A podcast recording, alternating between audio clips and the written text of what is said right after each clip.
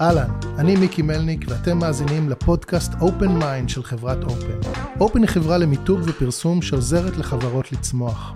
היום אנחנו פוגשים את נטלי יצחקוב, טרנדולוגית וחוקרת תרבות, בעלת סוכנות The Visionary לחיזוי טרנדים וייעוץ. נטלי מרצה בשנקר, רייכמן ובארגונים שונים, ואנחנו פוגשים אותה היום לאחר אירוע חשיפת הטרנדים שלה לשנת 2024. אנחנו נפגשים לשיחה על העבר, על ההווה והעתיד, מה זה טרנד, איך מזהים טרנדים, ואיך אנחנו יכולים להבין את העולם שסביבנו בעידן שמאופיין בעיקר על ידי חוסר ודאות. אז שתהיה שמיעה מועילה. שלום נטלי. היי, מה נשמע? בסדר. שלום דנה. שלום מיקי. שלום, שלום נטלי. שלום, שלום. טוב, היום אנחנו משוחחים על נושא שהוא חם, גם רלוונטי. לנו מאוד, וגם קרוב לליבי מאוד, כתחביב אה, אישי וסוג של, אה, כן. אה, את יודעת, כשאני שואל את עצמי, אם לא הייתי מה שאני עכשיו, אז מה הייתי עושה? אז נראה לי שזה את זה. עדיין לא מאוחר, אתה יודע. לא מאוחר. לא? כן, גם אני שוקלת, אבל גם אסטרטגיה, אני חושבת. אני פה כדי ללמוד. היום. אני הולך לשאול, מלא שאלות, אני מאוד, סקרן, ואנחנו גם נפגשים, לא במקרה כנראה, בתקופת תחילת שנה, כן? אה, וזה בטח ה-money time בשביל, כן. אה, בשביל טרנדולוגיה וחיזוי וסיכומי שנה ותחזיות לשנה הבאה.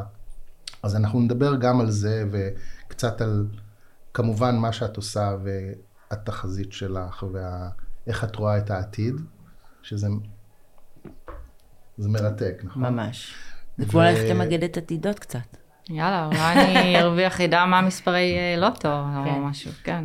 ולפני זה, אחד מהדברים שאני רוצה שננסה לעשות ביחד, כדי שהקהל שלנו יוכל לקבל את כל מה שאנחנו מדברים עליו היום בתוך קונטקסט הגיוני, יש המון סוגים של טרנדים, יש המון סוגים של אה, איסוף מידע, יש המון אה, תחומים שבהם אפשר להת, להתעמק בהם ולהתעסק בהם. אז הייתי רוצה שתמסגרי לנו באיזה משקפיים ובאיזה קונטקסט הטרנדים והתחזיות שלך והמחקר שלך נוגעים והם הכי רלוונטיים, אה, כדי שבאמת נוכל להתמקד בזה, או לפחות להיות, לא לדבר על דברים שלא קשורים. אז אה, אני בחרתי אה, להתמקצע. בתחום של חיזוי טרנדים לפי הגישה של אה, מי שהייתה מורתי, אה, לי אדלקורט, אה, חזאית הטרנדים בין הידועות בעולם, הולנדית, יש לה את הסוכנות לחיזוי טרנדים טרנד יוניון, וברגע שפגשתי אותה בהרצאה במוזיאון העיצוב חולון, הרגשתי שראיתי אישה שבא לי להיות כמוה. והיא לא כל כך אישה שגרתית גם במראה. אה, זה לא איזושהי אישה כזאת גם מהממת ביופייה, אבל היה בה איזושהי כריזמה, רגישות אה, ומשהו מהפנט. והסתכלתי עליה ואמרתי, וואו, אני רוצה להיות כמוה. מתי זה היה? ב-2011, באותה תקופה הייתי מעצבת בחברת אה, אופנה מסחרית, והייתי נורא מתוסכלת. והרגשתי שאני כל היום מדברת עם זרים ב- בסין ולא מממשת את התשוקות שלי. אה, ובמקרה הגעתי להרצאה שלה ופשוט נדהמתי. נדהמתי מה... מאיך שהיא מספרת סיפור, כי טרנדים זה בסוף סיפור. ומה הנקודת מבט שלך, ואיך אתה מנתח את הדברים, ואיך אתה, אתה מחבר את כל האירועים, וזה היה כל כך מרתק, כי, כי גם בלימודים הרגשתי כבר שהמקומות שאני יותר מתעניינת, זה המקומות של הקונספט, של האסטרטגיה, של החיבורים האישיים. אני הרבה פעמים מביאה דברים מהעולם האישי שלי. אה, בדרך מסתורית אני גם שמה אותם בתחזיות. אז יש פה גם המון אחריות. אז אפשר להגיד שהפריזמה והתחום העיסוק שלך הוא אופנה, או שאת גולשת לטרנדים שהם מעבר, שמשיקים, שנוגעים?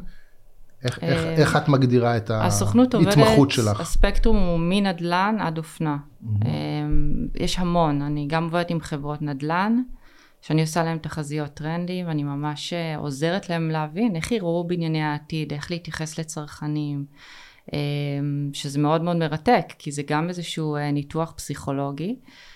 וגם אה, בעצם לנסות לחפש חדשנות, כי אני מסתובבת פה בארץ ואני פשוט מתבאסת על מה שקורה פה, על כל הבניינים שאני כן. רואה, ואני אומרת די כבר, אני לא רוצה שזה ימשיך ככה, ואני מקווה שאני אצליח אולי אה, לשנות פה כמה דברים.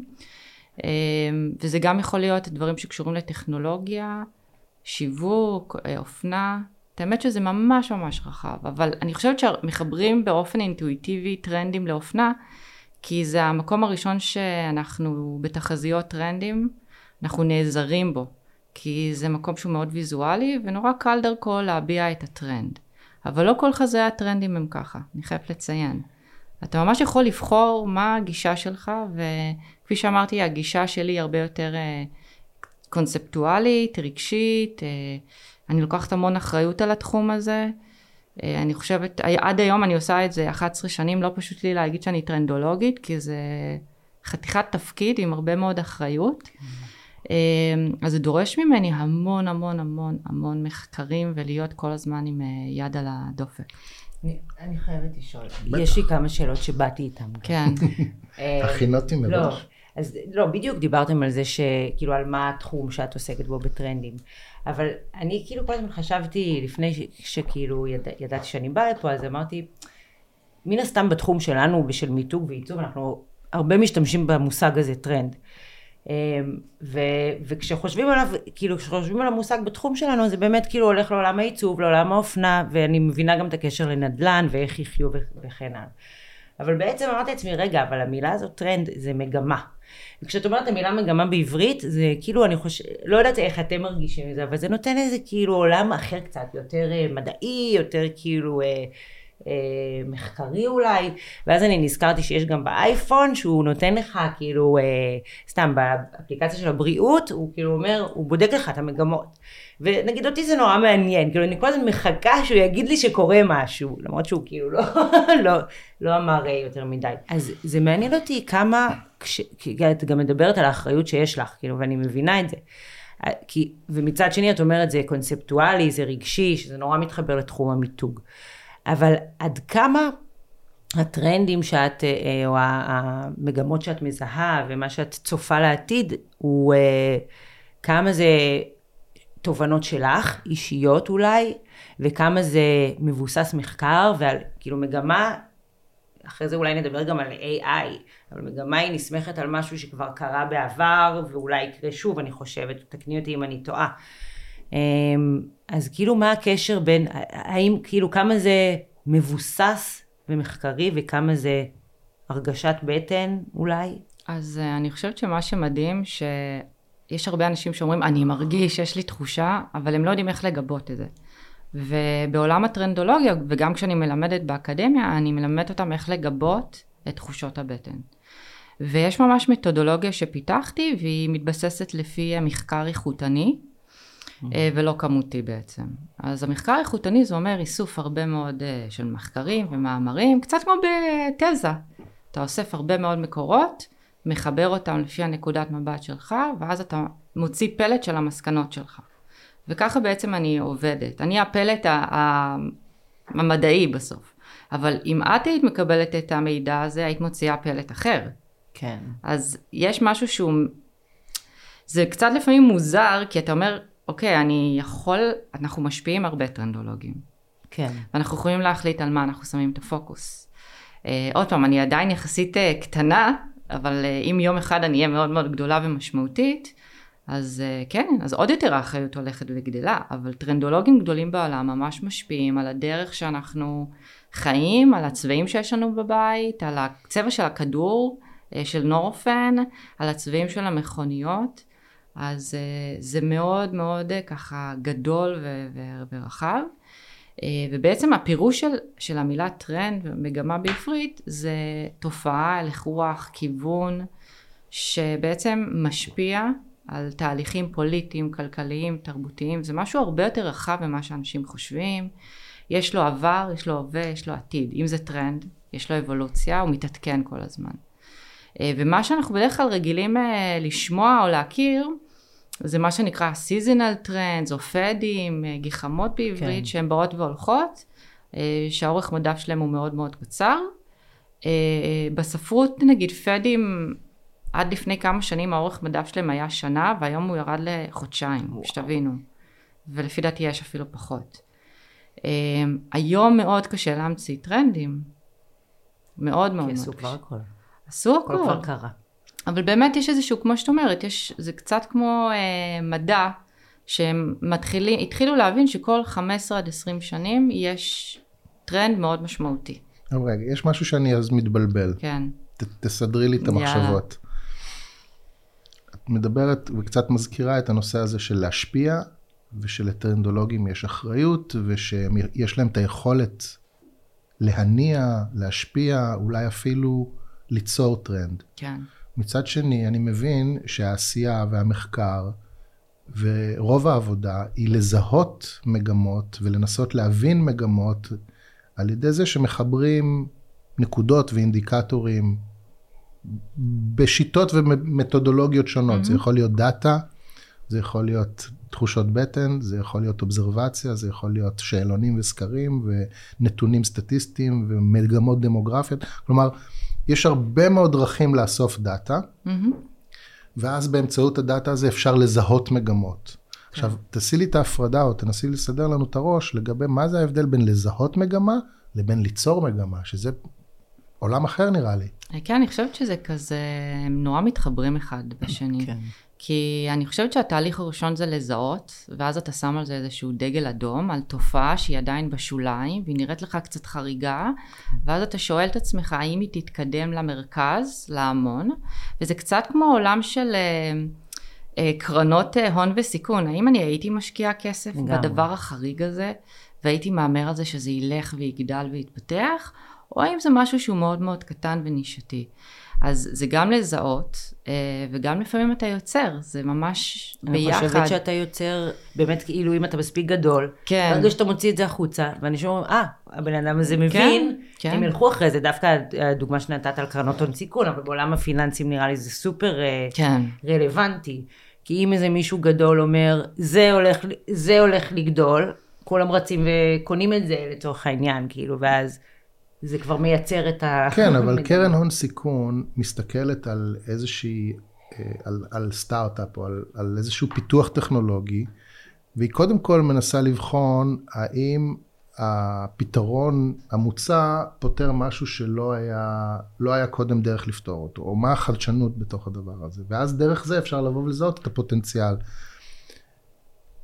דווקא בא לי שתתני לנו מעולם הדוגמאות, אוקיי? תני לנו דוגמה לאירוע שאת מגדירה אותו כאירוע נישתי, קיצון, יוצא דופן, ופעם אחת שהוא באמת אינדיקציה לשינוי או למגמה, לעומת אירוע קיצון, נישתי, בולט, אבל שהוא סתם, שהוא לא, פאד. שאין לו שום, לא, הוא אפילו לא פאד, הוא פשוט אירוע שלא מתחבר בנקודות, או לא, אין בו, איך את מזהה את הפוטנציאל בין משהו שהופה, לבין משהו שהוא, אין בזה כלום. אז אה, יש אה, מתודולוגיה בסוכנות שקראנו לה חוק השלוש, מהמם. אה, שבעצם אה, אנחנו אוספות אה, מידע, וברגע שאנחנו מזהות אה, דפוס כלשהו שחוזר לפחות בשלושה תחומים שונים, זה כבר מאותת לנו שמתחיל להיות פה, מתחילה להיות פה תנועה. מהמם. סוג, אנחנו קצת עושות את זה כמו clusterים. אתה, אתה מתחיל לזהות שמשהו קורה בכמה אזורים, בשיווק, במיתוג, באופנה, בנדל"ן, אתה אוסף את זה ל- לתבנית אחת, ואז זה מתחיל לאותת לך, אוקיי, משהו קורה פה, בוא נצלול לעומק, אוקיי. אוקיי? אז זה, זה באמת... אז אה, כאילו בהכי רע, בהכי פשוט, פעם ראשונה מקרה, פעם שנייה צירוף מקרים, פעם שלישית מגמה. בדיוק. זה מספיק בדיוק. שלוש פעמים? אה, לפעמים כן, ולפעמים לא. לפעמים אנחנו, אומר- אנחנו מרגישות משהו ואנחנו רק רואות אפילו אבל שתי נקודות. מרגיש לי, שוב, בגלל שאנחנו גם כולנו בתחום הזה, מרגיש לי שכולנו בבועה, בועת העיצוב בוא נקרא לה, ובועת הטרנדים, כאילו גם אנחנו. ולכן, כאילו, את יודעת, כולנו מסתכלים בפינטרסט על אותו דבר, כאלו דברים. דרך אגב, אני לא, אני לא עובדת מאוד- עם פינטרסט. לא, אבל את שם הדוגמה, וואלה. כן. לא. אבל מסתכלים, כאילו, אנחנו רואים את אותם דברים, כי עכשיו אה, כל קהילת העיצוב לצורך העניין אה, זרמה אחרי משהו. אז השאלה איך את יכולה לפ... כאילו להפריד את זה, כי את אומרת ראיתי משהו בנדל"ן, ראיתי משהו באופנה, כאילו עדיין, בסוף כאילו הם מין לוקחים אולי מאותו מאגר. כמה רחוק הם צריכים להיות, כדי שתגידי, שני אלו קרו במקרה, אני לא יודעת אם הם קרו במקרה, כאילו, ועדיין הם... אה, תראי, זה יכול להיות אפילו דפוסים שבאים מעולם הפוליטיקה והכלכלה והתנהגויות, זה לא חייב להיות משהו אסתטי. אה, וגם דרך אגב, אני לא עובדת עם מאגרים שרוב האנשים עובדים איתם. אני לא יכולה להרשות את זה לעצמי. אני ממש לא מעיזה לעבוד עם פינטרסט, זה מנוע מאוד מאוד בעייתי, שאני לא, ממל... לא מרשה לסטודנטים שלי לעבוד וואו. איתו, והם עצבניים עליי. הוא מאוד מאוד סוגר ולא פותח. אמ, אז יש לי, יש לי את הטכניקות שלי שבאמת הם השתכללו עם השנים, כי המטרה בסוף שאני באה לחברות, והם לא יראו את הדברים האלה, והם לא כן. יכירו את זה, והם יגידו, וואו, איך הגעת לזה? אז זאת המטרה הכי משמעותית, זה כל הזמן למצוא את המקורות האלה, שזה היהלומים שלי. וזה יכול להיות דברים שקורים בעולם, וזה תערוכות וסרטים וחיבורים, וזה יכול להיות באמת מאגרים אה, מאוד מרתקים. אז בואי נלך אחורה, ל-23 או 22, ולפני שנדבר על העתיד, ותני לנו דוגמה לאיזשהו משהו או לאיזשהו קייס כזה שזיהית, צירוף של מקרים, ופתאום אמרת, יש פה משהו, ואז עם הזמן ראית שזה זה קורה. תפס, או זה גדל, או שזה נהיה משמעותי. אז uh, אנחנו עובדים uh, בסוכנות על uh, כל תחזית בערך שבעה, שמונה חודשים מראש, uh, ומכזה ינואר 2023 עד אוגוסט התחלנו להרגיש שזאת שנה לא פשוטה. משהו שם בקצב, באירועים, ב... What, what gave it away? כן, והרגשנו שהקיצון שהיה עוד יותר. אה, כולם אמרו, זהו, סיימנו עם הקורונה, זה נורא הצחיק ממש. אותנו. אה, וברגע שאתה באמת נכנס ואתה מעמיק ב- בעולם, ואתה רואה איזה אירועים אה, קרו, אתה אומר, וואו, מפחיד לי. אז היו כמויות של אירועי שריפה. נכון, אני גם זוכרת, גם... כן. שממש כזה, תדמיינו, אדמה כן, תדמיינו שיש לנו לוח עם מלא מלא אירועים, ואז אנחנו לאט לאט עושים ככה חיבורים. אז שריפות ענק בפורטוגל, ביוון, ישראל, אה, הוואי, אה, רעידות אדמה במרוקו, יפן, אה, מלחמות, אה, רוסיה, אוקראינה, וכל מיני דברים מאוד מאוד הזויים עם פוליטיקה קיצון, ימין קיצוני בכל העולם נכון, דרך נכון, אגב, לא רק בישראל.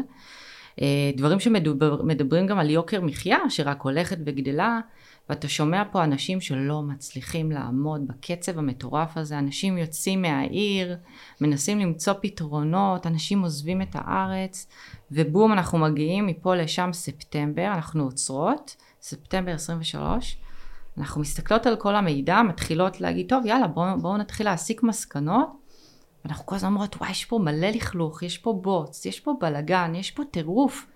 וראינו כמויות של דם. Mm. כן, ראינו דם, דם, דם. זה לא קורה לנו כל שנה. אמ, ואמרנו, מה קורה? מה קורה? מה, מה זה אומר? מה זה האדום הזה? מה זה ה... זה נורא הטריד אותנו, אה, ובאמת המשכנו לחקור את זה יותר פנימה, והתחלנו קצת לבדוק יותר על אה, צרכני דור ה-Z, שהם באמת הולכים להיות הצרכנים הכי גדולים בשנת 2025, ואנחנו רואים שהוא קהל עם הרבה מאוד פרדוקסים, שהוא מצד אחד אה, אה, אה, חסר אמצעים, אבל יש לו גם טעם מאוד מאוד אה, יוקרתי. אה, הוא מאוד מאוד אותנטי, אבל מצד שני הוא גם מאוד אה, נסתר לכלים, וראינו שמתחילים להיות פה כל מיני פרדוקסים. אוקיי? ברבי הייתה, שהיא גם אה, באה להראות איזושהי גישה נשית אה, חדשה, שגם אהבנו את הסרט, אבל יצאנו עם הרבה מאוד תהיות. גם אני. כן, גם אני. ואז באמת, אה, סוף ספטמבר ראינו שהולך לצאת הסרט אה, אה, Poor Things, אני לא יודעת אם אתם ראיתם, עם אמה סטון, סרט מטורף. והוא היה איזשהו שינוי מאוד אה, אה, חשוב ב, אה, בתחזית שלנו, כי הרגשנו שזאתי הברבי הקיצונית של ברבי הברודה. ואם תראו את הסרט, אתם תבינו על מה אני מדברת. יש שם איזשהו גרוטסקיות, יופי מדהים, כיעור, דם, סקס, בוטות, למול ההתייפיפות הוורודה של הברבי, שכביכול יראו אותה בצורה הכי good power, כן. אבל היא עדיין לא. ואז אתה רואה, אוקיי, מתחיל להיות, להיות פה איזשהו שתי אה, עמדות מאוד מעניינות של נשים גם, של אה, וואלה, את יכולה להיות גם כזאת, גם כזאת. ואז השביעי באוקטובר קרה, והיינו בהלם, ועצרנו לכמעט אה, שלושה שבועות את העבודה, והרגשנו שזאת נקודת אה, ציון מאוד מאוד חשובה, והתחלנו לאסוף מידע, וראינו שהשיח בסושיאל מדיה הולך ונהיה רצחני. זה הפך להיות זירה הרסנית, מסוכנת. כן. אה, חסרת גבולות, אה, לא משנה לאיזה צד אתה אומר. אה, ואנחנו ראינו שם ביטויים הזויים, כאילו של נוער שמזדהה עם בן לאדן, כן. הרבה הפגנות פרו-פלסטינאיות, ואנחנו כל הזמן צריכות להסתכל על זה מנקודת מבט של חוקרות בלי הרבה ביקורת, זה נורא קשה. ואתה רואה את השנאה שעולה, ואתה רואה מגזינים שאתה אוהב ומעריך, ש... תומכים רק בצד אחד. ואז אמרנו, אוקיי, קורה פה משהו מעניין, כי הבנו שתומכים בצד החלש. זה קול, זה מגניב, יש להם אחלה מיתוג, לנו יש את הכחול לבן הלא מעניין, אה, ואנחנו הצד המערבי והחזק. אה, וגם שם כמויות הדם שהיו שם, וההרס, והבוץ, והשבר, זה, זה פשוט אה, זעזע אותנו. זה מרתק הסוויצ'ים שאת עושה בין אה, דברים שהם חדשותיים, כלומר תמונה שאתה רואה אותה, כן. שריפה בהוואי, כן. או פיגוע, או משהו שבאמת דם אמיתי, לעומת אה, תגובה, או לא יודע אם לקרוא לזה אפילו פרשנות של עולם האומנות, עולם העיצוב, עולם העסקים, לדברים כאלה, ואז כאילו, כאילו הדברים קשורים אבל לא קשורים. אני, אני כאילו, מחברת אותם. זהו, אני, אני, אני, אני רואה את זה. ואני... אני לגמרי חושבת שבסוף זה... זה לא התגובה של עולם האומנות או משהו כזה, זה תגובה אנושית. כן. כאילו, יותר מהכל זה המגמה האנושית. כן. אה, כאילו, גם מה שתיארת על השביעי באוקטובר, אבל בעצם כל דבר הוא איזושהי, בסוף זה הרגש נראה לי הכי הכי בסיסי של אנשים. אמ, ולשם כאילו אולי זה באמת מה שמניע את הכל. כן. כנראה. אבל שנייה, אבל רגע, אני, שוב, אני חייב ללמוד ולהבין. יש טריגר או יש גירוי, יש משהו שאתה מגיב אליו, ויש את התגובה עצמה. כלומר, גירוי וריספונס. אז את, אתם אוספות ומזהות או מזהים את שלל הנקודות האלה בכל מיני מופעים ובכל מיני מקומות, הזמן. את הקיטוב, את האלימות, את האימה, אימה, כל כן. מיני דברים שהם כאילו מאורעות קיצון של פעם בחיים והכל קורה כל שבועיים. כן. כל יום ממש. כל יום אירוע של פעם בחיים. ואז, אוקיי, אז איך את נותנת לזה כותרת, או איך את ממסגרת את זה כמגמה, או כ... איך בכלל אז, את מתחילה להסביר את הדבר הזה? אז אחרי שבאמת אתה אוסף, זה נקרא Data Collection, איסוף נתונים, שזה יכול להיות פוליטיקה, כלכלה, אסונות טבע, אופנה. כל התחומים. כן, כן, אתה אוסף גם דברים טובים, גם דברים פחות טובים. אמ, אתה בעצם צריך להסתכל על ההצפה המטורפת הזאת, שלא כל אחד בנוי לזה. והיא מציפה אותך. זה גם לא קורה כל שנה, אני מניחה לא... ככה, כן, כמו שהיה ב-2023. כן, כן, תראו, גם יש את ההתפתחות של ה-AI, וגם הרבה כן. מאוד שאלות על הדבר הזה, ואתה גם מתבונן על זה. ואז, אה, בתור אה, אישה מאוד אה, סקרנית וחוקרת, אני, אני מערבת הרבה מאוד טכניקות, ולפעמים אני יכולה להקשיב לפודקאסט, ומישהו אומר משהו, ובום, נופל לך כן. האסימון. והייתי נורא מתוסכלת, כי לקח לי הרבה זמן להסתכל על כל הדבר הזה ולהגיד, אוקיי, מה המגה טרנד פה? מה התמונה? מה היקום אומר לי? כן. ו... וואו, אני חייבת להגיד, שנייה, סליחה, כן. כי זה גם עלה לי קודם, באמת לקראת הרבעון האחרון של 2023, בדיוק מה שאמרת, אני אמרתי לאנשים, אני מרגישה שהעולם מנסה להרוג את כולנו, באמת, כאילו עם כל האסונות טבע שהיו וכל, גם מה שהיה בארץ, אמרתי, ככה זה מרגיש לי, מי, כאילו העולם או היקום או whatever, מנסים לחסל אותנו. כן, זה קצת כזה אולי. אה, כן, ואז שמעתי פודקאסט מרתק, בכלל בתחום הרגשי. אני, לא, אני מקבלת הרבה מאוד השראה מהעולמות האלה, הרגשיים, ואז הוא אמר משהו, הוא אמר את המילה התעוררות, התפכחות, ואז כזה טי טי טי טי טי, אתה שומע כזה את כל הסימונים שלך. זאת המילה שחיפשתי. זאת המילה, ואז כזה זרקתי את זה לצוות שלי, טוב תמצאו לי את המילה הזאת באנגלית, איך אפשר להגיד אותה בצורה הכי יפה ש... כן, ואז התחלנו לחפש, אוקיי, זאת המילה, זאת המילה, ואז בום בום, ואז זה מתחיל להתפתח, ואנחנו מתחילות לבנות את הסיפור של, של התחזית, ואז באמת קראנו לתחזית של 2024-2025 The Outgrowth, אה, שבעברית זה התפכחות, התעוררות, צמיחה. אה, והחלטנו שבעצם כל המגמות אה, בפנים שנקראות מקרו טרנדים, שזה בעצם הפרקים של התחזית, הם יהיו, הם נקראים הארבע F'ים, שזה בעצם freeze, flight, fawn, ו fight. ובעצם החלטנו שזה הארבעה ראשי פרקים, שלכל אחד מהם יהיה קונספט, אמ, צבעוניות, קופי, ממש גישה שתתבסס בעצם לפי הארבע אפים האלה. יפה. אני הייתי בהרצאה, בחשיפה הראשונה עם הרוחות רפאים מסביב. וקודם כל זה היה מרתק. זה היה מרתק גם לראות את האיסוף של הדימויים ואת הצורה שבה את עושה את ההקשרים בין דימוי, מציאות, מגמה, כן. והקשר הזה בין תגובה ותוצאה. ו... ועכשיו אנחנו נוגעים בנקודה הזאת של איך את בעצם לוקחת ומפרקת את זה ומנסה למסגר את הדבר הזה. עכשיו, איך אני, אני יצאתי מהמפגש, אה, מה שנקרא, בסיכום האישי שלי, אנחנו חווים טראומה, וכגוף קולקטיבי אנחנו מגיבים לטראומה. Mm-hmm. ובעולם הפסיכולוגיה, בעולמות שונים, אה, יש סט מוסכם, אפשר להגיד, או מוגדר, של סוגים שונים של תגובות לטראומה. נכון. fight, flight, freeze. ו fawn. כאילו, זה כאילו, זה, כן. ו fawn לא הכרתי. fawn זה להתחבב. אני אה, אסביר לכם. אוקיי. fawn זה להתכרבל ולהיות ביחד, האחדות. להתחבב, ריצוי יתר, אחדות, אוקיי. כן. עכשיו, הנה השאלה שלי, ויצאתי מהדבר הזה ואמרתי, זו דרך נהדרת להסביר איך כל מה שאנחנו רואים יכול ליפול בתוך אחת מהקטגוריות נכון. האלה. ואז השאלה, איך בעצם מסבירים מהי המגמה? כלומר, יש דרך אחת לספק משקפיים, נכון. שאומרים לי, אני עכשיו, בעזרת המשקפיים האלה של הארבע אפים האלה, יכול להבין כל תופעה שאני רואה. אני hmm. הולך, בר... אחרי זה ראיתי מישהו הולך ברחוב עם מעיל פוף זוהר, אמרתי, אני מבין את זה. איזה כיף, איזה כיף. יש פה flight, יש פה פריז, יש פה פופי וזה, הכל כאילו הסתדר לי. אבל אז אני אומר, רגע, שנייה, אבל הכל יכול עכשיו להסתדר לי. הכל.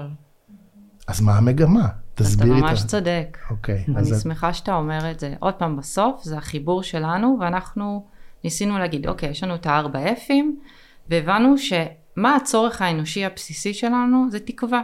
שמישהו ייתן לנו תקווה, שיגיד לנו שהכל יהיה בסדר, זה הצורך שלנו. אז אמרנו קודם כל, השנתיים הבאות הולכות להיות שנתיים של החלמה, התאוששות, איחוי שברים, רק טיפה התחלנו להתאושש מהקורונה ובום, קיבלנו את המכה הזאת, שהיא מאוד קשה ומאוד חשובה. ואז בעצם התחלנו לקרוא על עולמות של ה-CBT, שבעצם משם לקחנו את הארבע F'ים, והבנו שזו תגובה הישרדותית שיש לכולנו במצבים של טראומה.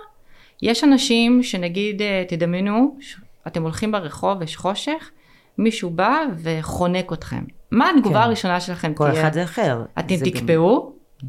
אתם תילחמו, אתם תברחו, או שתנסו להתחבב עליו, או לנסות לרצות אותו, אוקיי?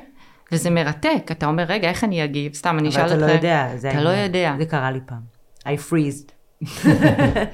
גם הרבה פעמים אתה צריך קודם להיות בפריז. הרבה פעמים אנחנו קודם פריז, ואז נכון, אנחנו שנייה, יש שלב של השעיה, ואתה אומר, אוקיי, מה אני הולך לעשות? אני הולך לברוח, להילחם, להתחבב עליו, ובאמת החלטנו שאנחנו לוקחות את הארבע אלמנטים האלה, ואנחנו מפתחות אותם כקונספטים, איך שאנחנו רואות את זה. אז אמרנו שהפייט זה באמת, אנחנו ניקח את זה למקום של להילחם, לייצר כללים חדשים, משהו מאוד בועט, נועז, אגרסיבי, אגרסיבי, מלוכלך, כאילו קצת רוק אנד רול כזה. פאנקיסטי. ו- כן, וגם זה היה המקום שלנו להכניס את הקיימות, שכבר אי אפשר לשמוע את המילה הזאתי, וקראנו לזה בפנים better me, והכנסנו ל fight את הצבע האדום. אה, משהו מאוד מאוד בוץ, באדום, מלחמה, אה, משהו מאוד מאוד נועז בגישה. אה, וגם משהו של, אני חושבת שיש גם משהו נורא חם, עוטף, רוצים חיבוק בסוף, עוד פעם, זה הצורך הבסיסי שלנו. עכשיו עוד פעם, יכול להיות שאם אני הייתי נותנת לכם את הקונספט הזה, הייתם מביאים אותו לידי ביטוי בצורה אחרת. כן. עוד פעם, זה, זה לא מדע אה, מדויק. וזה מה שיפה. המטרה שלי זה לגבות את תחושות הבטן ואת המידע. והאם אני הצלחתי להוכיח את טענתי? גם לארוז אותם. כן, זה צורה. כמו קצת בית משפט, אני אוספת טיעוני, ואם הצלחתי למכור את הקייס שלי אה, לצופים שלי. אה, וגם אני חושבת שכולנו בסוף צריכים סדר, כי העולם הזה נורא רווי, ואנחנו כל הזמן מחפשות תבניות, נכון. שיעשו לנו בעצם את, ה, את הסדר הזה. אז דווקא זה מעניין, כי דיברת על זה שאתם אה, אה, בעצם אה, מארגנות מידע, וכאילו כן נותנות את הפרשנות שלכן, אבל, אבל זה, אה, זה מידע מאורגן, אבל אני, ש, אני שואלת, אה, בכל זאת, אה, מגמות ולתת סדר הרבה פעמים נשען על, כן, תהליכים, או כביכול אותם תהליכים שקרו בעבר. אז עד כמה כן אתם מגבות את זה בדברים? אה, בגלל שזה באמת אה, חשוב לגבות, וגם לנסות לחשוב, אוקיי, מה אני מחדשת? כי לא בא לי שאנשים יבואו לתחזית שלי ויגידו, אוקיי, ומה מה חדש פה? היא לא חידשה לי. אבל דווקא זה אולי מה שנותן אה, מרגיע, שזה כבר קרה, כאילו אם זה קרה לפני 30 שנה והם התאוששו מזה, אני חושבת שאנחנו, זה קצת אותה גברת בשינוי אדרת, אתה, אתה מחפש לזה קצת משנה את השם, מנסה לראות את הנקודות אה, חדשנות של זה, לדוגמה גם ה fight, זה הכי שנות ה-60, הפאנק והאנרכיה, כאילו מבחינתי it's the same. כן. אז אתה כל הזמן, יש לך חיבורים אה, לעבר, ואתה רואה שיש סייקלים, שכל פעם יש את הקבוצות האלה שהן חתרניות, שבטח אתם גם שומעים לא, אני עליהן. האמת ראיתי איזה וידאו לפני כן. כמה זמן מדהים, שמתאר אה, שכל 80 שנה יש סייקל שחוזר על עצמו, בתוך ה-80 שנה זה מחולק לארבע, כמו עונות, וזה כאילו דורות, כאילו כל 20 שנה זה דור, ולכל דור יש תפקיד, והם מראים ממש על ההיסטוריה, איך זה חוזר על עצמו כל הזמן, שזה מדהים. נכון, אבל גם עם זה יש בעיה. ההיסטוריה לא חוזרת על עצמה, אבל היא מתחרזת. היא מתחרזת, זה יפה. אה, אני התחלתי ללמוד אה, מחקר התרבות, ושם דיברנו על, ה, על הדבר הזה של דורות, והרי מחלקים אותם לעשר שנים. והתחלנו לנתח את זה, האם זה נכון לחלק דורות עדיין לעשר שנים, כי זה... ה- מתקצר. כן, זה מתקצר, והמהירות, נגיד יש לי סטודנטים שהם תפר כזה של Z ו-Y, והם אומרים לי, אני הכי Z, למה הכניסו אותי ל-Y? וואי, זה המילניאלס. אני גם בטף. מה מה בא אחרי זה, דרך אגב? אני... אלפא. מה יש זה לי אלפא? בוא- בוא. נדבר. רגע אלפא זה זה. 0 עד 6, ואז יש גם את הבטא. יש אני מגדל? איזה אלפא קטן. גם אני. לי לא יש הבנתי אחת ב-Z ושתיים באלפא. וואו.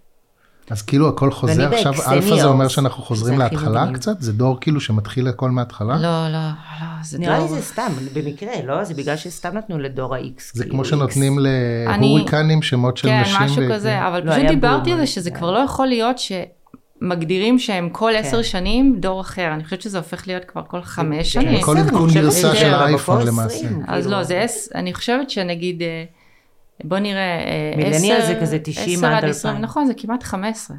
כן. זה כבר די, זה לא הגיוני. הקצב הוא הרבה יותר מהיר, זה לא... זה חייב לי, להיות בנוי אחרת. אנחנו בעצם... שזה רואים- גם מגמה. נכון. אנחנו מדברים הרבה על אקסלרציה, אנחנו מדברים על טכנולוגיה, כן. אנחנו מדברים על disruption, ואנחנו מדברים על זה שהקצב של השינוי שאנחנו חווים בימי חיינו ובכלל, הוא הולך וגובר. נכון. אוקיי? הוא הולך וגובר, ואם כבר אנחנו מחברים נקודות כדי לזהות מגמה, אז אנחנו גם יודעים שהיקום הולך ומתרחב, ולא רק שהוא הולך ומתרחב, הוא הולך ומתרחב בקצב מואץ, וואו. שזה בכלל בסוף קשה הוא יישב לתפוס את ה... חזרה לעצמו. ככה שמעתי. יש משהו מאוד אה, באתי הזוי במחשבה שהיקום מתפשט ומתרחב בקצב מואץ. וואו. זה לא אינטואיטיבי. אבל אני רוצה רגע שנייה כן, לעשות כן. כזה דבר. כן. יש לך לקוחות. נכון. הלקוחות שלך הם עסקים. בעלי עסק, יש להם תקציב, יש להם לקוחות, הם מפתחים מוצרים, הם משקיעים כסף כדי להיות מסוגלים להביא את המוצר הנכון, בזמן הנכון, לקהל הנכון, במחיר הנכון, כדי שהם יוכלו לגדול ולצמוח. ואז את מגיעה אליהם, ותתארי לי רגע את מערכת היחסים בינך לבין הלקוחות שלך, במובן הזה של האם את עבורם השראה, האם את עבורם הנחיה, האם את עבורם אה, דירקטיב, כאילו אתם חייבים לעשות את זה, או שזה מין סוג של תעשו מה שאתם רוצים עם זה, אני אמרתי, והנה תראו אדום. איך זה כאילו, אמ, איך לקוחות צריכים לאכול אותך? תראה, רוב הלקוחות שאני מגיעה אליהם הם, הם הרבה פעמים יותר אה, גדולים ממני, וזה לפעמים קצת מאיים שבאה בחורה בת 38, לא כזאת צעירה, אבל אה, באה ועם מומחיות כזאת, וזה מאיים. אז הרבה פעמים אני קצת עוף מוזר, והם לא יודעים איך להתייחס, והם לא מבינים בדיוק מה המוצר, והתפקיד שלי זה להיות מאוד תקשורתית ולהסביר להם את החשיבות. אה, את החשיבות של לעשות מחקר. והדבר שתמיד מפליא אותי זה איך יש כל כך הרבה חברות גדולות ומצליחות, ובסוף, אחרי שהם כבר מאשרים לי ואנחנו מתחילים לעבוד, ואין להם מושג בכלום. סליחה שאני אומרת ללקוחות האהובים שלי. הם לא יודעים כלום. באמת אין להם מושג, או שכאילו הרבה פעמים יש להם תחושות בטן אחרת, איך, איך הם הצליחו, כאילו. אתה לא מבין. הלו. גם, אני חייבת להתפרץ, הכל טוב. לא. זה מרגיש לי גם שהקהל הישראלי הוא מאוד לא פתוח לשינויים האלה, מה שהוא חי כרגע זה מה שיש.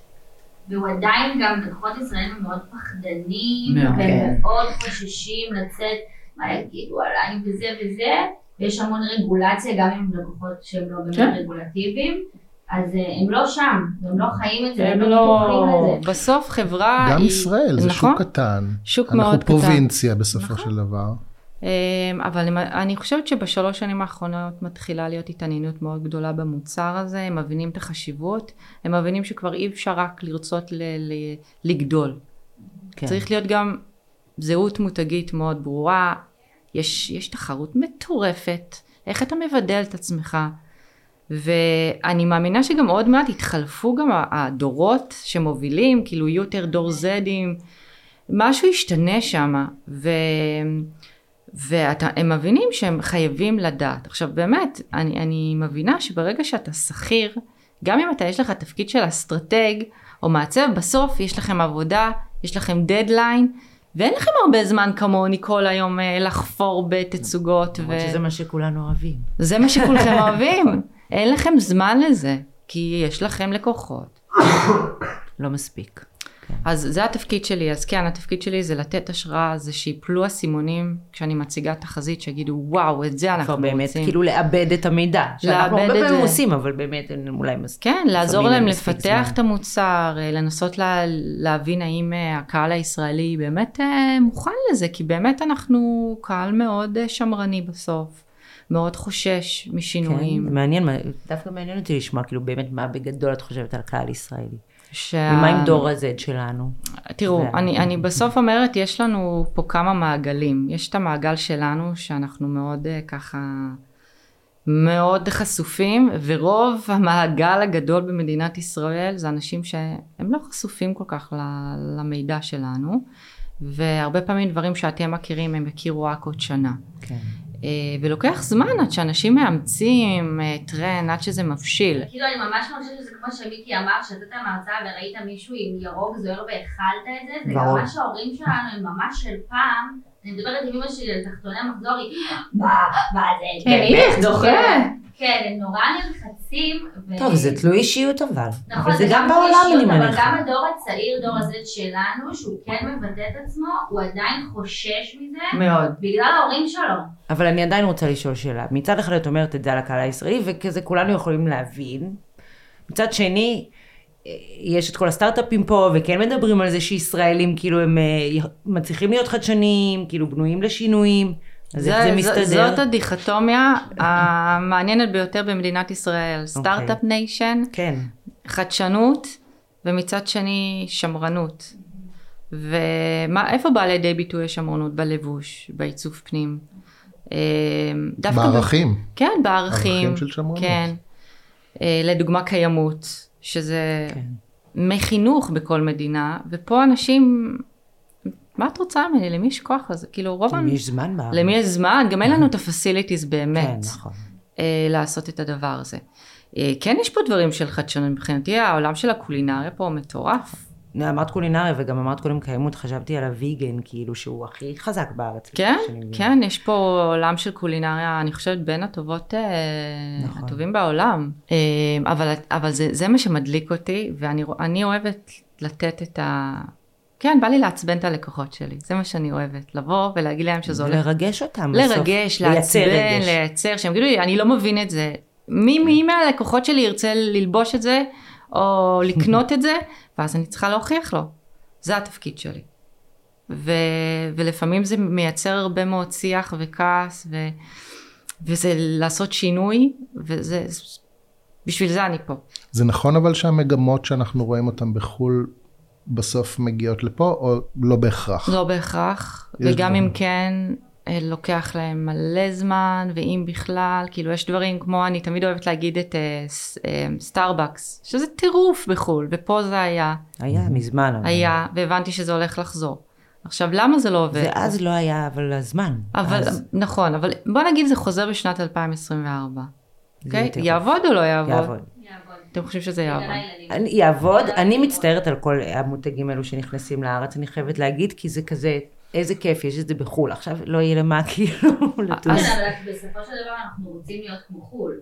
אנחנו רוצים להרגיש את ה facilities הזה, כן. ובלי להעליב אתכם, כאילו עכשיו זה זה שלנו, זה ילדים שלנו, זה ילדות לא, סבבה. שלך, יחיו בסטארט. אני שואלת גם את הילדות שלי, כשאנחנו טסים לחו"ל, הן אומרות, כאילו ה highlight בחו"ל זה לנסוע לסטארבקס. באמת, כאילו כל יום, פעמיים ביום, כאילו כזה. ואני שואלת אותם אם הם ישמחו שזה יבוא לארץ, ווואלה, אני לא חושבת שזה כזה משמח אותן. ולמה? כי כבר לא יישאר כאילו למה אז לצפות. גם, ומה עוד, אם אנחנו מנתחות את זה... כאילו יאבד מהקסם שלו. גם, קצת. ואם אנחנו מנתחים את הקהל הישראלי, הוא מאוד אוהב שירות, הוא אוהב משהו מאוד בוטיקי.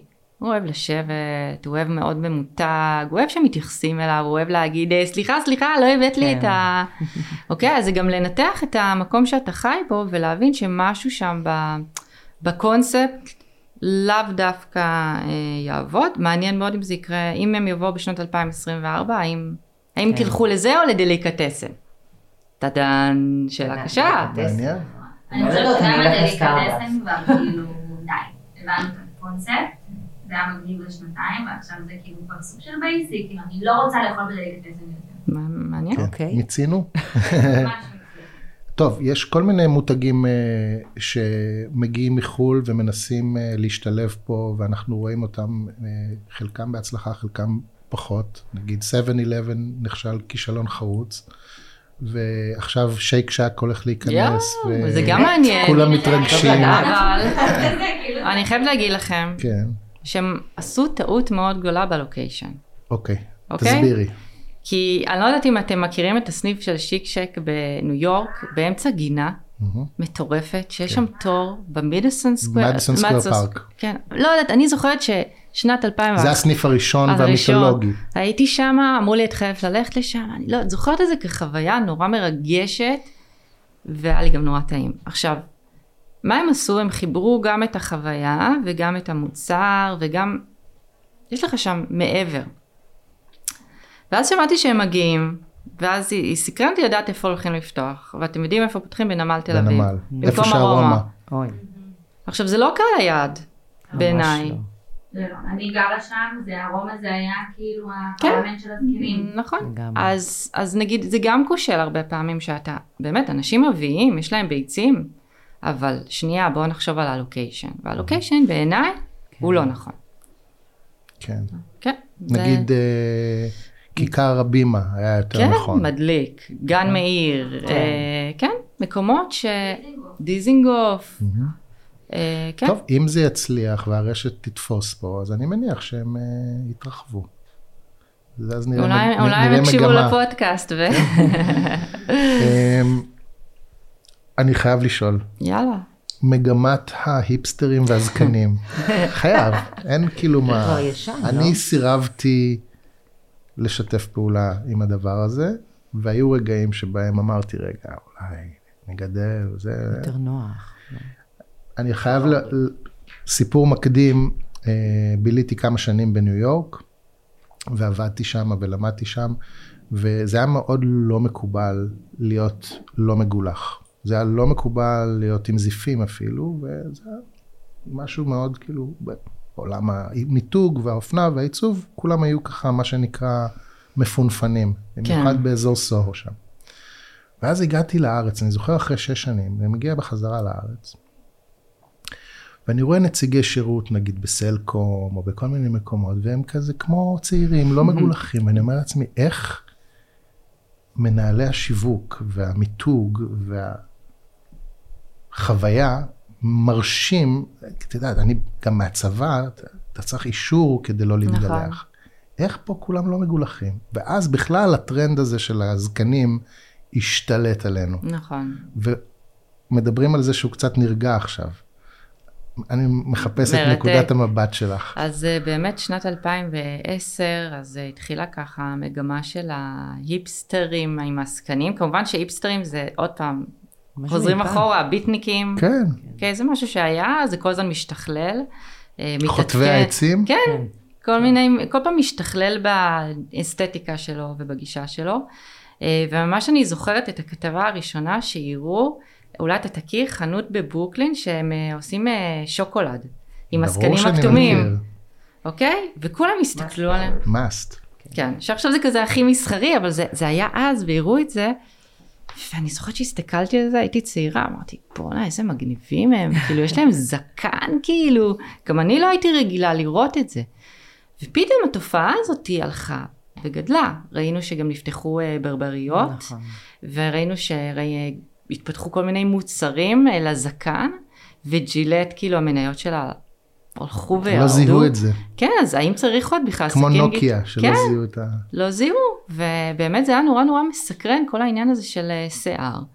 ו, ובאמת, גם בארץ זה הגיע לפה בטירוף. טירוף. כן, אני זוכרת אפילו שבעלי קיבל כל הזמן אה, כאלה תגובות שהוא נראה כמו מחבל, כל מיני כאלה, תוריד פה את הזקן שלך, לא, בארץ יש לזה עוד... אה, ליירים. אני חושבת שגם עכשיו, לא יפתיע אותי אם גם נראה זקנים על נשים, Hmm, אוקיי? ויש ראינו, גם, ראינו. Oh my God. ויש. את אירועי הקיצון זיהינו. באירוויזיון, חינם חייבת להוסיף, זה קשה. שהפסקת להתגלח. שגם, איך זה נהיה נורמלי, נשים, גברים עם זקן, שפם ופאות. לגמרי. כאילו, יש את עדן דניאל גבאי ששם את הפאות, והוא fucking, כאילו, הוא הופיע בפיקס ובסופר פארם. ואני מסתכלת ואני אומרת, זה נראה לי רגיל, כאילו, זה יפה לי. בת כמה את? 28. אה, אוקיי. את גם על כן, התפר. אנחנו גם... כולנו על התפר, לא? כן. לא, יש כאלה שהם כזה בין Y ל-Z כזה, יש כאלה שהם מובהקים, אבל... אבל אה, איזה דור אנחנו? לא את, את דווקא Y. millenni- millennial. כמה את זה? לא, היא דווקא זה... הם בני 10 עד מה זה זילניאל? 26, 7, אבל בגלל זה אני אומרת, היא על התפר, נכון? כי... אני אקסניאל. אני איקס. טוב, אני אני Y, כן. אני ממש איקס. אבל הילדים שלי קוראים לי בומר. כן. כן, אני אומרת. את זה לבעלי, אתה כזה בומר. כן, זה... כן, אתה כזה בומר, אתה לא. מבין. לקרוא לך בומר. אני כן. קצת גאה בזה, לא יודע למה. לגמרי תהיו כי גאים הגעת בזה. לגיל. חוויתם דברים שהם לא יחוו בחיים. ממש. נכון, אני חושבת שזה... לגמרי. גם. אז מה צפוי לנו ארוך טווח? בסדר? בואי נניח שאנחנו הולכים עכשיו עם הארבע אפים שהם תגובה לטראומה, ויש לי סימן שאלה לגבי זה, כי אני אומר, אה, יש הרבה סימנים שמעידים על זה ש- you ain't seen nothing yet, כלומר שהטראומה האמיתית עוד לפנינו, וכל מה שאנחנו רואים ב... זה רק כאילו מחממים את הסיר וה, וה, ומתחילים לראות את הבעבוע של הרתיחה, אבל שבסופו של דבר הרע והגדול והקשה עוד לפנינו.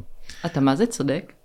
כן? ו- אמ, אני חושבת שאנחנו נמצאים בתקופה שכולנו נורא סקרנים אה, לגבי העתיד.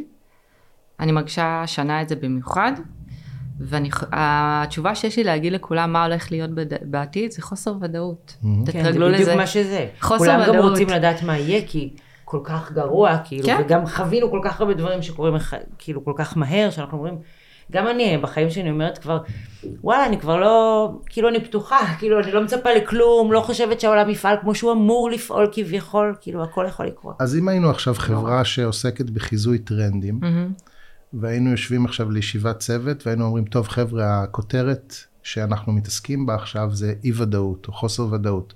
איך אנחנו מפרקים את הדבר הזה למופעים ולמגמות ולדברים שאנחנו יכולים להתחיל לזהות אותם במרחב?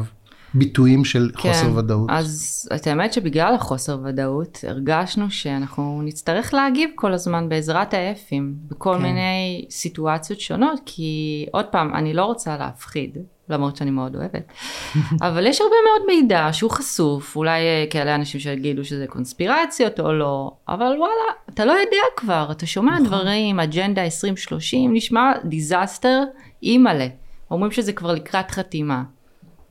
אז אתה אומר, כן, אני בתחושות שלך לחלוטין. זאת אומרת, רגע, מה שאת אומרת זה שבאי ודאות, כל מה שנותר לנו זה פשוט להגיב כמו עכברים לגירויים שלא תלויים בנו. לא, דווקא לא להגיב, לפעול, fight זה להילחם, כן, אבל זה תגובה. זו תגובה. אנחנו כל אני הזמן מדבר על. זה שבאי כן? ודאות אתה לא יכול לתכנן קדימה, אתה לא יכול להניח את המהלך שיוביל אתה יכול למהלך הבא. לנסות, אבל להגיד לך שזה ייתן לנו שקט? לא. זה לא ייתן לנו שקט, כי אנחנו לא יודעים כבר, זה, זה פשוט מפחיד. אומרים נכון. לנו על ה-AI, שזה הולך להרוס לנו את החיים. זה יהרוס או לא יהרוס? אני רוצה לדעת את העתיד. כולם. רוצים, גם כן, אני נכון. רוצה לדעת. את הולכת למודד את עתידו? הלכת אני? ברור. כן? אה, כן? לא. היא צדקה? כן. אומייגאד, תני לי את הטלפון. רוצה. לשמוע משהו? היא לא עולה כסף. מה? וזה נדיר. מה זאת זה לא אומרת? היא לא. היא את? רוצה, היא. אומרת, תתני לי כמה שאת רוצה. אה, וזה כן, שיטת. השיווק הכי טובה, את אומרת. מה... את האמת לא כזה, לא נתתי לה... אני רוצה, כאילו. אנחנו נדבר. אבל אני יודעת שזה כאילו, אני- אם אני אלך זה סתם. לא, כאילו, את חושבת שאת צריכה לבוא לב- לאיזה נקייה מציניות, כי אחרת... כן, ברור. וזה גם, את צריכה לקחת אחריות, ומה שהולכים להגיד לך. לי היא אמרה כמה דברים מאוד קשים, ואת כאילו לקחת אותם. והחלטתי? שאני לא מקשיבה לה. זאת- אה, זהו, זה זאת קרה. בחירה. זה כזה אבל זה היה... דברים כמו בריאות וכאלה. לא, אה, טוב, זה מעניין, אולי כן נחליף כן, אבל אני. מתה על הדברים האלה. אולי את אני צריכה לשלב. במתודולוגיה שלך. אולי. אה, לא, אבל נגיד, גם אסטרולוגיה את מאמינה? מלא, גם יש-. אסטרולוגיה זה, כאילו אני... הלכתי לא גם יודעת. לאסטרו-פסיכולוגית, מסתבר שיש מקצוע כזה. וואו. שזה היה מרתק. היא נגיד לוקחת 700 שקלים, היא עושה לך מפה לפי התאריך לידה שלך והשעת כן, לידה כן, שלך. כן. היא אמרה לי דברים שאמרתי, שאלתי אותה, עשית עליי גוגל? כאילו, שכאילו קראו לך בעבר, איזה והיא אמרה מזל. גם על אני. דלי. עכשיו לא? כן, ממש היה לי עכשיו, היא אמרה לי דברים מטורפים. אז לי יש, תקשיבו, אה, אני מאוד אוהבת אסטרולוגיה מאז הילדות, ומאוד מזדהה כאילו עם המזל שלי ואחרים וזה, ומאזניים, ויש לי אפליקציה עכשיו שנקראת uh, The Pattern, אני חושבת. כן, הבעיה בכל הדברים האלה... תקשיבו, שזה- אבל זה- נו, איך זה נקרא? The pattern? The Pattern. קודם היה לי קוסטה. אבל אתם רואים גם פה, the pattern, זה כל הזמן דפוסים נכון, ותבניות. עכשיו מה יפה בזה? היא לא רק אומרת לך על היום יום, זה הפחות מעניין. היא אומרת לך על cycleים בחיים, נכון. והיא גם כאילו חוזה, גם אפשר זה עולה כסף? הבסיס לא עולה לא? כסף, אני לא בכסף, והיא חוזה. עכשיו, באמת שעברתי כל כך הרבה כאילו בתקופה האחרונה, וזה פשוט, היא גם נותנת כזה peak dates וזה, ומתארת כאילו, וזה נכון. כאילו בינתיים. אני מאוד אוהבת את זה. אני כל הזמן תוהה האם בגלל שהם כתבו לי, אני יותר כאילו מקדמת דברים. זה בערבון מוגבל. כי מפת לידה שלך היא זו שבעצם משפיעה. אז לא, אני כן מישהו האזנתי, אופק, יודע. רגע, האזנתי תאריך לידה.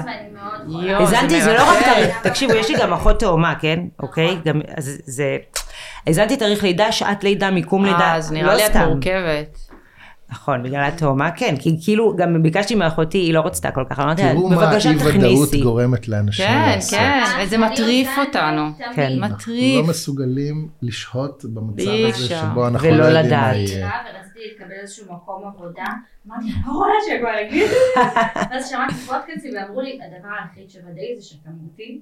זה הדבר It's true. היחיד, אמרתי, יופי, עם זה אני צריכה לחיות, שאני לא יודע זה כלום. משפט נורא קשה. זה קשה, אבל המוות זה הדבר נכון. היחיד שוודאי בחיים שום שלנו. דבר לא ודאי. שום דבר לא ודאי. אבל נראה לי דבר לדבר על אסטרולוגיה וטרנדים זה מעניין. תקשיבי, נכון. כן. וואו, אז האפליקציה הזאת היא ממש כן, טוב. דיברו- דרך אגב, כאילו, אה, דרך אגב, היא אומרת לי דברים. קשים.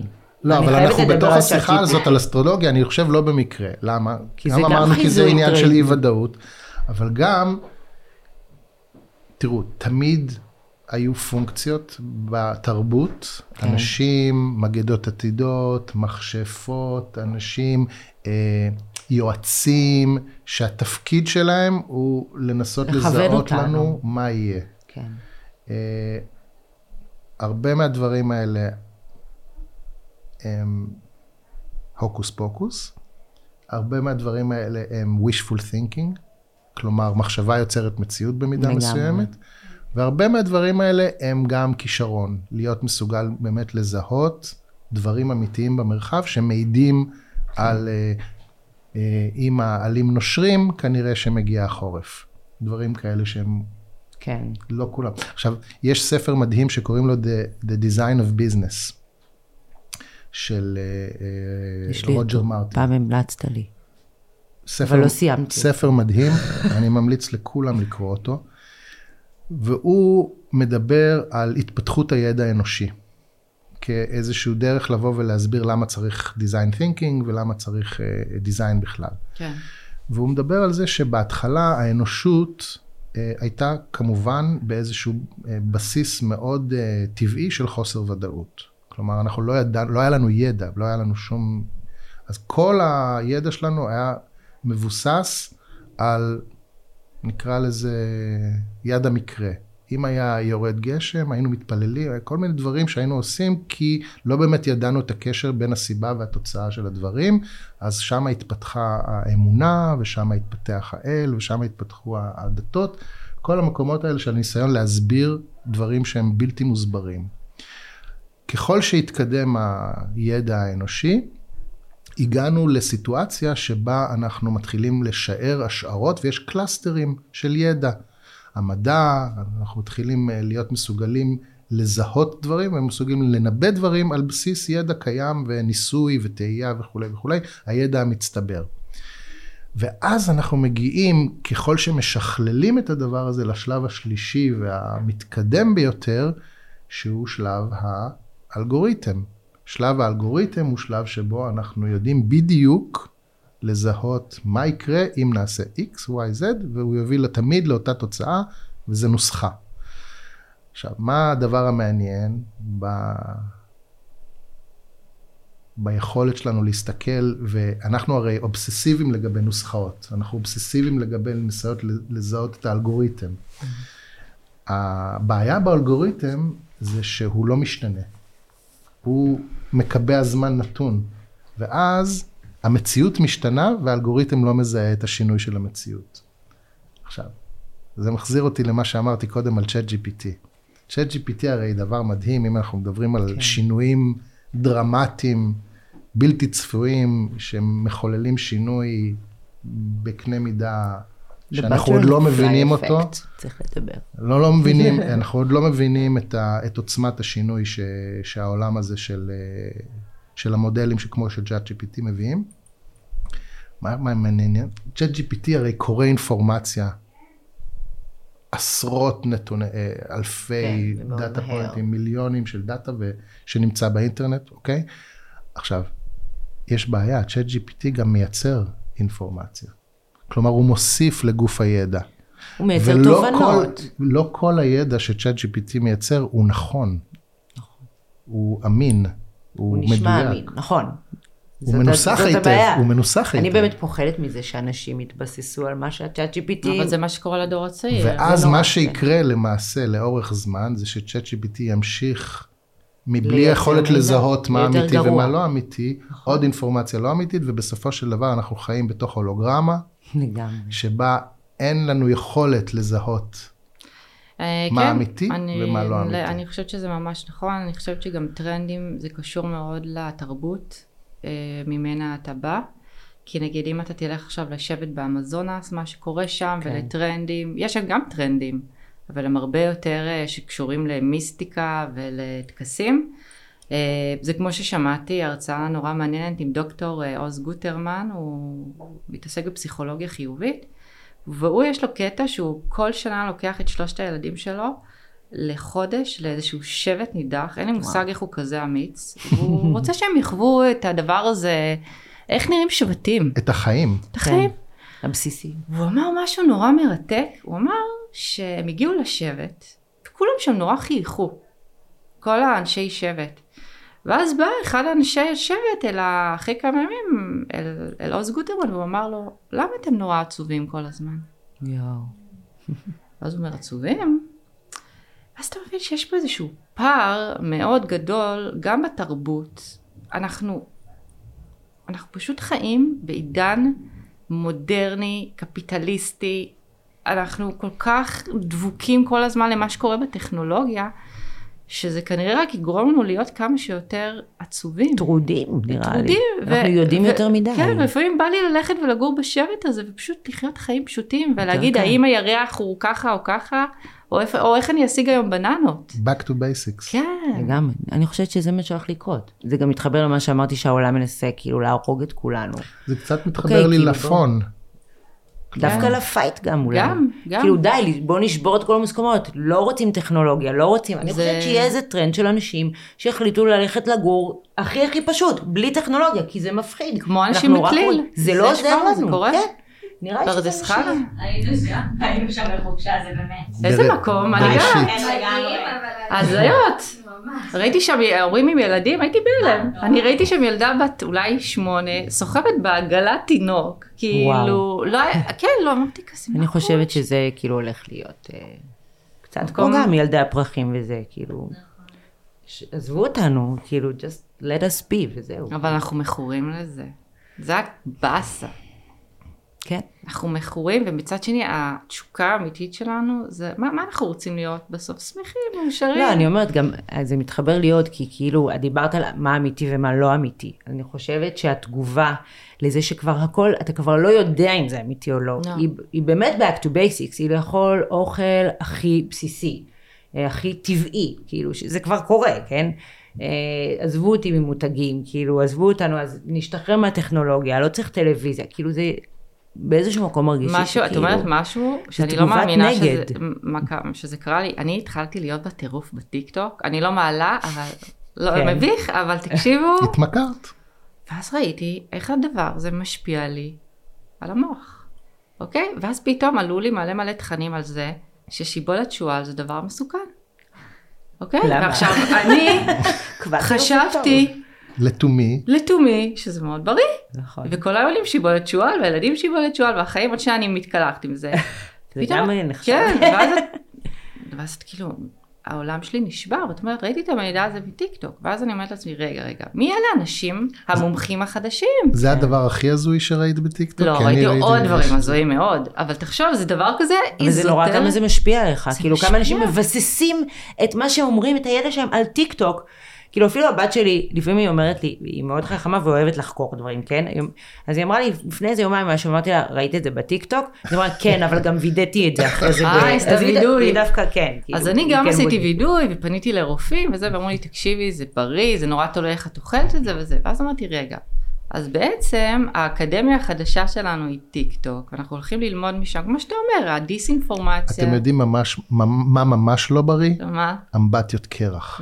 זה גם שמעתי. לא בריא. נכון. תקשיבו, אתם יודעים מה בריא? איזון. איזון. איזון. זהו, תשחררו מהכל, כל עוד. עושים את זה בגבולות, הכל בסדר.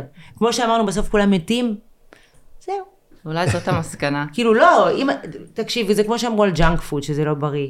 אבל גם אני חושבת שקיצוניות לאכילה, כאילו, בקיצוניות בריאה, זה גם לא טוב. אנחנו כולנו. מנסים... אה, אז אם למצוא. כאילו, we'll just live. כאילו נהנה מזה, גם בריאות נפשית זה חשוב, כאילו. מאוד. אני חושבת שאם באמת מסכמים את זה, אנחנו נכנסים לעשור של חוסר ודאות, ואנחנו נצטרך להתחיל להתמודד עם התחושות האלה כאנש, כאנשים כן. חולי שליטה, ואנחנו כל הזמן רוצים לדעת מה יהיה. כן. והמטרה היא בסוף לנסות לייצר איזשהו באמת תדר נכון, אבל אולי להבין שאנחנו לא יכולים לשלוט. אף פעם. כאילו פשוט שחררו, כאילו. אני, אני חושבת שבעיקר הולכים לשלוט עלינו. זה, זה. מפחיד, כן. כן. אני כבר אה, היום חשבתי על, שמעתי גם איזה פודקאסט, לא סיימתי אותו, אבל אה, באמת כאילו על ה-AI ועל כל הטכנולוגיה ועל זה שלא רוצים ללכת עם המשקפי VR, כאילו ברור שלא רוצים, ומחכים שהטכנולוגיה תהיה שקופה, ואז אמרתי כן, ושמעתי שאילון מאסק אה, השתיל שבב כבר במישהו, כאילו כחלק מניסוי אישרו לו, אני אומרת עוד, לא יודעת מה, 10 או 20 שנה, ילד ייוולד וישתילו לו שבב, וזה כנראה יהיה הדבר אה, הכי רגיל. שיש. וזה זה כבר כאילו... קורה. מה זאת אומרת זה כבר יש קורה? כבר אה, נסיינים בעולם. נסיינים, אבל אני אומרת עוד כמה אז שנים. אני אומרת, כן. זה מה ש... ילד ייוולד כמו נותנים לו טיפות של ויטמין K, ישתילו לו שבב. זהו. טוב, אבל אנחנו חייבים לסיים ב-. באופטימיות, ממש. נכון? כן. קצת אופטימיות, נסיים באופטימיות. אז תני לנו uh, תחזית אופטימית ל-24. אנחנו ניפגש פה ב-25 וואי ואנחנו וואי, כן. נחזיק אותך. לכי אה, תדעו איזה רובוטים הנה יהיו פה. התחזית, תהיה נהיה פה אחראית על זה. ב-25. ואז, אנחנו נהיה פה. ואז נאחל לעצמנו משהו לשנה כדי שנסיים בטוב. כן. אמ, אני חושבת שהדבר הכי מרגש שהולך להיות השנה זה אחדות. זה באמת רצון לשנות את הכללים. אחדות בלי ציניות? כן, זה אמיתי. אחדות. והבנה שלא כל מה שאומרים לנו זה אמת. אמת. תמיד תשאל באמת, ותלך תבדוק גם את הרופא, גם את המורה, את כולם, גם את הבוס שלך. אה, אני חושבת שאנחנו נכנסים לעשור שכמה שיותר לדאוג לנפש שלנו ולרווחה שלנו אה, ולמשפחה. אה, העצמה נשית, אם הייתם בהרצאה, שי אקונומי. אין, זה העשור של האנשים, זה כזה מרגש אותי. אני ממש מקווה שזה נכון. זה זהו, זה קורה, די. זה קורה, זה קורה. עשור משמעותי, חשוב, אני מקווה שתהיה אישה אה, במקום ביבי נתניהו אולי בבחירות אמן. הבאות, והיא תהיה מדהימה ותעשה שינויים, כי יש לנו כאלה יכולות מדהימות. אני מקווה שאתה לא נעלב. לא, אני אתה מתחבר מסביר. גם שותף לצד לכמיהה הזאת, אני פשוט לא רואה את המגמה. עוד. אני רואה את. נכון. בדיוק הפוכה כרגע. כרגע במדינת ישראל ובעוד הרבה מאוד מקומות, נכון? כן. מגמה היא מזעזעת. אז אה, אבל אבל זה כאיחול, כאיחול זה איחול מדהים. וכן, ואני חושבת הכי חשוב זה ש... אבל עוד פעם, לאורך כל ההיסטוריה היו מלחמות מטורפות, צרפת ואנגליה, נגיד, זו אחת המלחמות הכי קשות שיש. אז אה, אולי נמצאו דרכים אחרות אה, להילחם אחד בשני, ואני חושבת שהמלחמה הבאה הולכת להיות סייבר. Hmm. הולכת להיות כן. מלחמה מאוד שקטה, והדברים הולכים להשתנות. אבל אה, באמת המסקנה הכי חשובה זה להתחיל להתרגל לחוסר ודאות. זה אימון מדהים לחיים. אני כבר שם. כן? אז הדבר הכי קבוע בחיים זה שינוי, ואני מאחל לכולנו שינוי אה, בריא. מאוזן, אה, אנושי, נשי, מרגש. מרגש, ותמשיכי לעשות את הדברים המעניינים האלה. תודה רבה. איזה כיף ממש. שאת אה, מתעסקת בזה, תודה. ואנחנו באמת ניפגש פה בעוד שנה. ונראה מה, לאן זה מוביל. נכון. אחלה. תודה. תודה. תודה.